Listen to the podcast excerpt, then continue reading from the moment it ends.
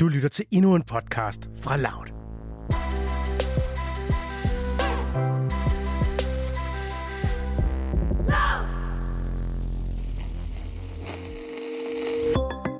Kelly Eve Kopman står med sin kuffert i hånden foran en stor luksusvilla i tre etager. Ved hendes side står hendes kæreste Sarah og fem venner. Kaliva klædt i en knælang orange kjole med trekvartærmer, og hendes lange, mørke, krøllede hår er skødesløst kastet til den ene side og falder om hendes venstre skulder. Hun har store brune øjne og en gylden lysebrun hud. Og hvorfor det er en relevant information, kommer vi ind på senere. Luksusvillaen foran hende ligger for enden af en lang indkørsel mellem høje skærmende træer bag en beskyttende mur og med udsigt ud over Atlanterhavet. De syv unge sydafrikanere har lagt alle deres penge sammen for at kunne lege den her ferievilla i Cape Towns mest eftertragtede område. Indenfor venter dem seks værelser, et stort samtalekøkken med panoramaudsigt ud over havet og solnedgangene, og en jacuzzi. Det er et af de billigste huse i området, men stadig langt mere luksuriøst, end hvad nogen af dem kommer fra. De har lejet villaen for en weekend over Airbnb, som så mange andre har gjort det før dem. Der bor nemlig ikke nogen i den her villa. Den bliver udelukkende brugt til udlejning. På mandag skal de være ude igen, men det har de ikke planer om. Mange af dem har da heller ikke et sted at vende hjem til. A group of queer activists illegally occupying a mansion in Camps Bay in Cape Town. The group that calls itself hashtag We See You says it is an artistic protest that uses occupation to drive home their message. The group wants to focus on inequalities, including discrimination against the queer community, lack of land, and gender based violence.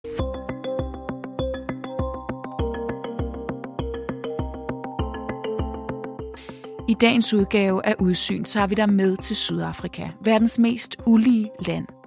Du skal møde Khalif, som sammen med seks andre valgte at besætte en villa i Cape Towns mest luksuriøse område, Camps Bay.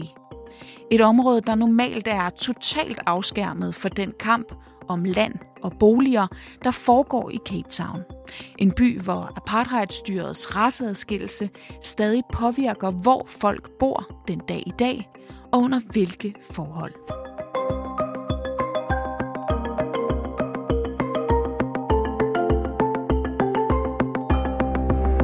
Du lytter til Udsyn. Din vært, Christine Randa. Camps Bay er et af de dyreste områder i Sydafrika, øhm, og dermed nok også i hele Afrika. Det her er Rasmus Beach. Han er journalist i Sydafrika og bor cirka 45 minutters kørsel syd fra Camps Bay. På den anden side af det ikoniske Table Mountain. Det er på den anden side af Table Mountain, hvor, end hvor jeg bor, øh, hvor man kan se den smukkeste solnedgang ned over Atlanterhavet. Det er også Camps Bay, der har Cape Towns mest berømte strand, som mange turister nok har besøgt. Det er alt i alt et mega eftertragtet område, nok faktisk det mest eftertragtede i Sydafrika. Langt øh, størstedelen af dem, der bor der, er hvide mennesker. Øh, og det hænger jo sammen med, at sådan er indkomstfordelingen stadigvæk i Sydafrika, hvor at de hvide mennesker generelt set er meget mere velhavende end de sorte, eller people of color, som, som man vil sige i dag. Derudover så er det jo et ferieområde, øhm, og dermed er der rigtig mange øh, udlændinge, europæere og amerikanere, som har deres feriehus der. Og det er også velhavende mennesker. Der er jo det ved Sydafrika, at det ligger på den sydlige halvkugle, men ellers i samme tidszone som øh, Europa. Så det er ikke ualmindeligt, at velhavende mennesker, for eksempel fra finansdistriktet i Storbritannien i London, har et feriehus, som de faktisk kan flyve ned og besøge på en forlænget weekend, hvis de lige har brug for lidt solskin i løbet af den lange europæiske vinter. Camps Bay er på mange måder en fysisk påmindelse om den ulighed, der i den grad hersker i Cape Town. Det er en kæmpestor kontrast til den anden del af Cape Town, som er øh, de fattige townships, som ligger ligesom længst væk fra havet og længst væk fra bjergene, hvor nogle af de fattigste mennesker i øh, Sydafrika bor. Og her haver en ekstrem boligkrise, som flere unge sydafrikanske aktivister forsøger at gøre omverdenen opmærksom på. There are almost 600,000 people on the urgent housing needs list at the moment, and that doesn't even reflect um, the amount of people that are necessarily that are homeless or not even homeless or not living in homes that are adequate um, or safe. Kelly Eve er en artivist, kunstner og aktivist, og så er hun en del af aktivistgruppen We See You. All of our group members are queer. They occupy different queer identities on that spectrum. So some are trans, some are, you know, identify as lesbian, etc. Um, all of us are people of color from from Cape Town. Kvinderne kommer fra forskellige samfundslag, og flere af dem står uden et hjem, som så mange andre fra de udsatte grupper gør i Cape Town, hvor det er svært for dem at finde et sikkert sted at bo. Gender-based violence is also a huge crisis in South Africa, and you know, um, hate crimes towards queer people and women. There are members of our group who could not live where they were anymore um, on the basis of being persecuted or, or victimized because of their queerness. Flere af kvinderne i Kelly Eves aktivistgruppe kommer fra de såkaldte townships i Cape Town, hvor de har boet i blækskuer uden kloakering. Og de her townships udvider sig hele tiden til nye områder i takt med boligmanglen. Der er en del landområder, som øh, ligger øde hen i udkanten af byen, øh, men er ejet af enten bystyret eller en privat. Og det, der så ofte sker, det er, at mennesker, som ikke har noget sted at bo, de ligesom invaderer øh, et tomt stykke land, så bygger de et skur, og så bosætter de sig der. Det er sådan, at loven siger, hvis man har en struktur, som man bor i, og man kan bevise, at man bor der, så er det ikke sådan lige at smide folk ud.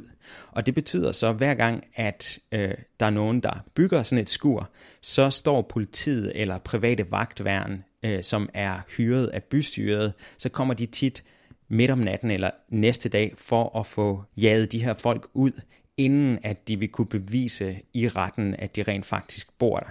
Det er sådan en lidt teknisk måde øh, at sige på, at den her kamp om boliger er meget, meget til stede i Cape Town, men den bevæger sig aldrig, stort set aldrig i hvert fald, ind til de velhavende områder, som for eksempel Camps Bay. Men Kelly Eve og hendes kæreste Sarah besluttede sig for at rykke kampen ind i de riges arena. De vil have, at der skulle sættes fokus på det her ved at tage den her boligaktivisme ind, hvor det gør ondt på dem, der har noget at skulle have sagt i byen. Og det er dem, der ejer, hvad hedder det, øhm, ejendom og har penge og har adgang til den politiske magt. Kelly Eve og Sarah sad under coronanedlukningen i Sydafrika, som var en af de hårdeste nedlukninger i verden, og talte om alle de luksusvillager i Camps Bay, der stod tomme, mens boligkrisen kun var blevet værre, og folk rundt omkring i Cape Town blev mødt med vold, når de prøvede at indtage land for at have et sted at bo. we started talking about these houses, etc. And you know, it's a conversation. It's a conversation that I'd like to think a lot of South African activists sometimes have had, or us, you know, you've driven past and been like, oh, you know, a lot of those houses are empty. And like, I think we were actually just sitting in bed, and Sarah was like, I think, you know, we should make this just not talk. We should do this. Like, we should try and occupy a mansion. I think during those moments, and even now after COVID, we all realize that the situation is so urgent that urgent action is needed and like a kind of boldness and a kind of newness you know like what we were saying about imagination is like maybe we should trust our strangest riskiest instincts um, and our kind of wildest ideas um, maybe that's where like change will happen Rasmus, hvordan foregik det her sådan helt konkret? Som jeg sagde før, så er det ikke nemt at komme ind i sådan en stor villa. Der er store mure, der er private vagtværn osv. Så det, som de så gjorde, det var, at de øh, oprettede en Airbnb-profil, og så samlede de så alle gruppens penge sammen til at lege en øh, villa over en weekend, og flyttede så ind, ligesom alle, der har prøvet at lege en feriebolig ved Airbnb gør. Så så nød de så weekenden der, men forberedte sig på, at når mandagen så ville komme, så burde de forlade huset, og det gjorde de så ikke. Så blev de så boende i stedet for, og forfattede og afleverede en erklæring til ejendomsselskabet om, at nu havde de besat huset. Det samme gjorde de til i øh, pressemeddelelse til de forskellige medier, og de sagde, at det var ligesom en happening, som de lavede for at øh, sætte fokus på husmanglen i Cape Town. Og luksusvillaen endte med at blive lidt af et samlingssted for boligaktivister fra alle mulige forskellige grupperinger i Cape Town. Suddenly there were all these people of color in the space that we never can access, having meetings and planning, etc. Yes, but also just like having joy and being in the jacuzzi and having a braai and being just having this moment of like, it shouldn't be so weird. It shouldn't be so rare. It shouldn't be so unthinkable that the only way that we can come together in the space and even use the space to strategize and meet together is because we're occupying it as a political action, you know. Og pressedækningen i Sydafrika var stor. Der var masser af interviews, der var mange tv-hold, der kom forbi. The group of activists has been staying in this Kemps Bay mansion since Friday, and they say they're going nowhere for now. Og det var jo vigtigt for dem, i og med at det her, det i høj grad var et statement øh, for at sætte fokus på problemet, så, øh, så var det vigtigt for dem at få budskabet ud. Så øh, de lavede sådan en ret velorkestreret kampagne på de sociale medier øh, og fik også en del opmærksomhed. Og hvad skete der så? Altså, de har besat den her, øh, den her villa, men, øh, men det kan man vel ikke bare sådan få lov til, eller hvordan? Det var måske det mest overraskende ved, ved aktionen, da jeg så, de havde gjort det her. Så tænkte jeg, okay, der kommer til at gå en eller to dage, så kommer politiet, men også sådan et privat vagtværn ind, og de bryder simpelthen ind og arresterer de her folk.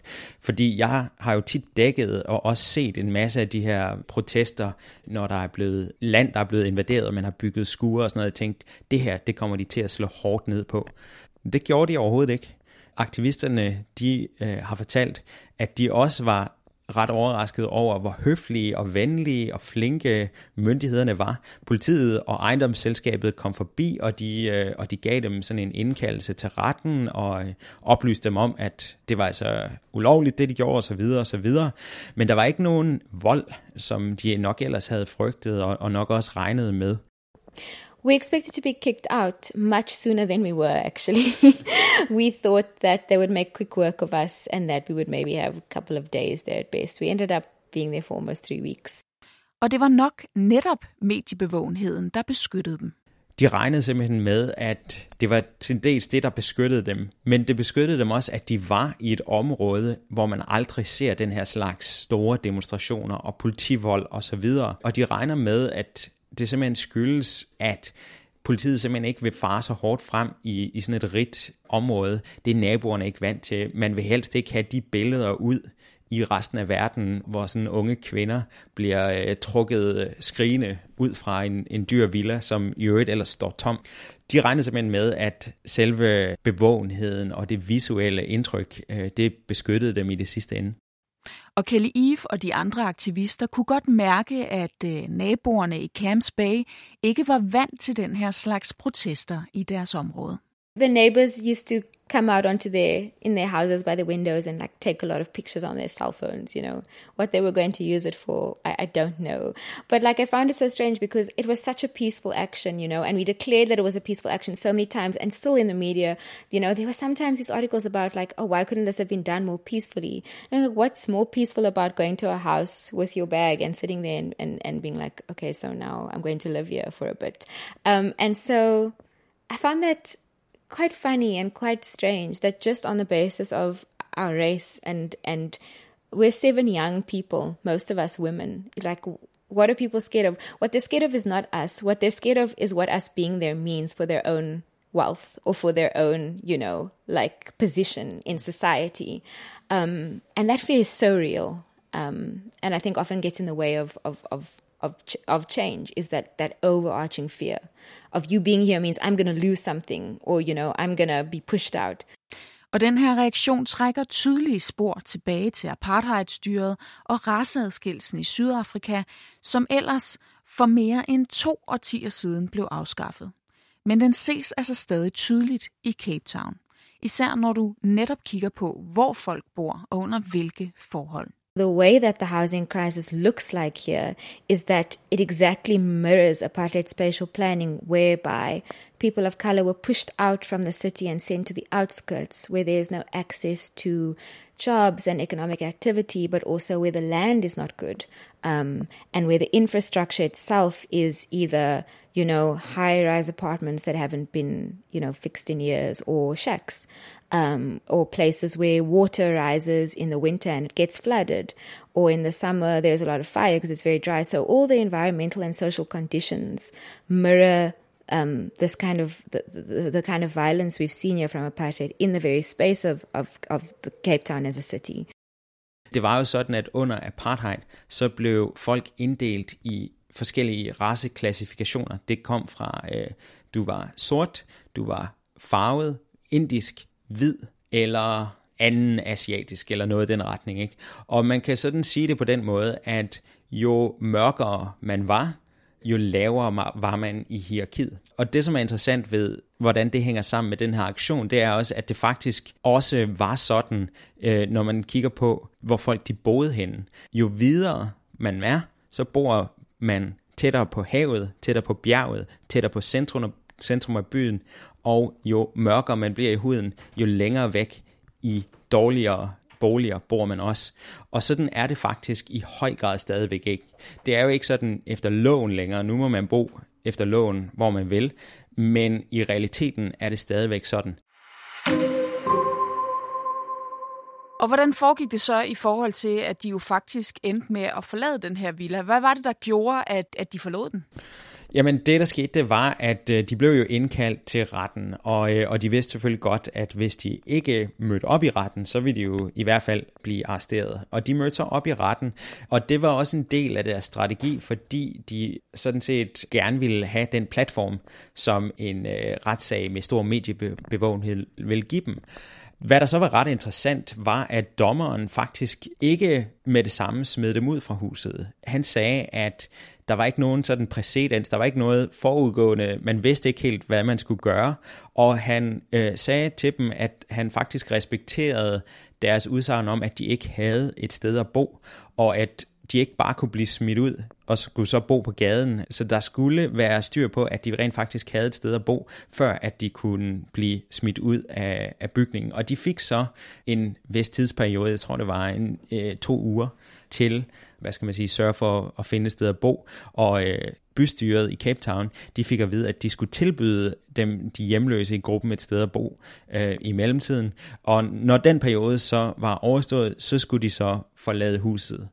Og Kelly Eve og de andre aktivister valgte at forlade villaen på den angivne dato her tidligere på måneden. Ellers risikerede de retsforfølgelse. Og det ville jo selvfølgelig for det første betyde, at de risikerede at komme i fængsel, øh, hvilket de var bange for, i det at det sydafrikanske fængselssystem ikke nødvendigvis er særlig rart at være i, hvis man er kvinde eller fra queer baggrund. Og derudover så var de jo oppe mod øh, ejendomsselskab og en, og en ret rig øh, husejer i det sidste ende, så med meget dybe lommer, der var ingen af dem, som ville have råd til at faktisk gå ind i en lang retssag. Så de valgte så at følge dommerens råd og sige, okay, vi troede faktisk, at vi ville blive smidt ud meget hurtigere. Vi er glade for al den opmærksomhed, vi fik. Vi mener, at vores projekt det har været en succes. Øhm, så nu forlader vi huset efter tre uger eller fire uger, eller lang tid det var, de var der, i god ro og orden, og så bygger vi videre på det momentum, som vi ligesom mener, vi har opbygget i løbet af, af den her aktion. It was actually so hectic us leaving because firstly there was a lot of media there, so there was that happening. Um, and then as we were leaving, there was another group of occupiers, um, Singabalapa, who we are in solidarity with. They've been living on the street, in fact, in tents for almost a year, who were considering moving in there and becoming a next group of occupiers. So it was very tense. Um, and at the same time, the property managers were coming in and they were getting scared and keys were being thrown around. And it was pure and absolute chaos. Um, but even in that, I think there was just an acceptance of that whatever we did, whatever we'd achieved, whatever we do further, um, as chaotic and scary and complex as it is, it's very much worth it. Um, but it, it definitely wasn't like a cool, like a walking out of there, like about it was like absolute chaos. Um, Du sagde, at de her aktivister egentlig følte, at det her var en succes. Hvad er det, de føler, de har fået ud af det? De vil sætte fokus på, at det ikke var i orden, at nogen ikke havde et sted at bo, mens vi samtidig havde de her enorme villager. Det var en direkte angreb, kan man sige, på den private ejendomsret. Og det var også derfor, at de fik, tror jeg, så, så voldsomme reaktioner i, i offentligheden, som de gjorde. Men de var meget tilfredse med, at de fik stillet spørgsmål ved nogle af de vedtagende sandheder i Sydafrika og i Cape Town og, og i verden i øvrigt, hvor, øh, hvor de siger, at uligheden den er simpelthen ikke moralsk forkert. Det er ikke i orden, at nogen er så rige og ikke engang bruger deres hus, mens andre ikke har noget sted at bo. Så det synes de, de, øh, de var lykkedes med.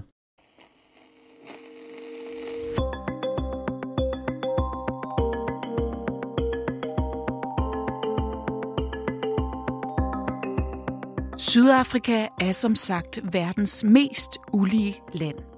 Og uligheden og ikke mindst apartheid-fortidens spor tegner sig altså helt tydeligt i landskabet og i opbygningen af hovedstaden Cape Town.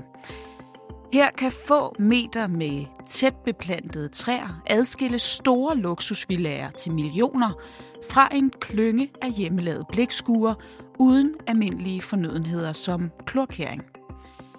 Det er to forskellige verdener, der ligger lige op og ned af hinanden, men helt uden at berøre hinanden. Det har syv unge queer-aktivister nu ændret på.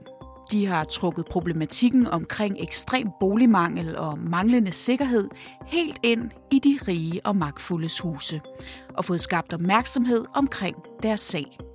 Nu er spørgsmålet, om opmærksomheden kan bringe reel forandring med sig. Du har lyttet til en podcast fra Loud.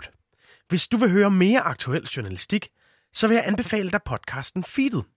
Her giver vi dig en spændende fortælling om, hvad der sker i Danmark. Lyt for eksempel til historien om Line, der er 29 år og kæmper med brystkræft. Vi er helt med inde til den afgørende samtale på hospitalet, og jeg lover dig, det er en utroligt gribende historie. Søg på feedet i din podcast-app, eller find den på radioloud.dk.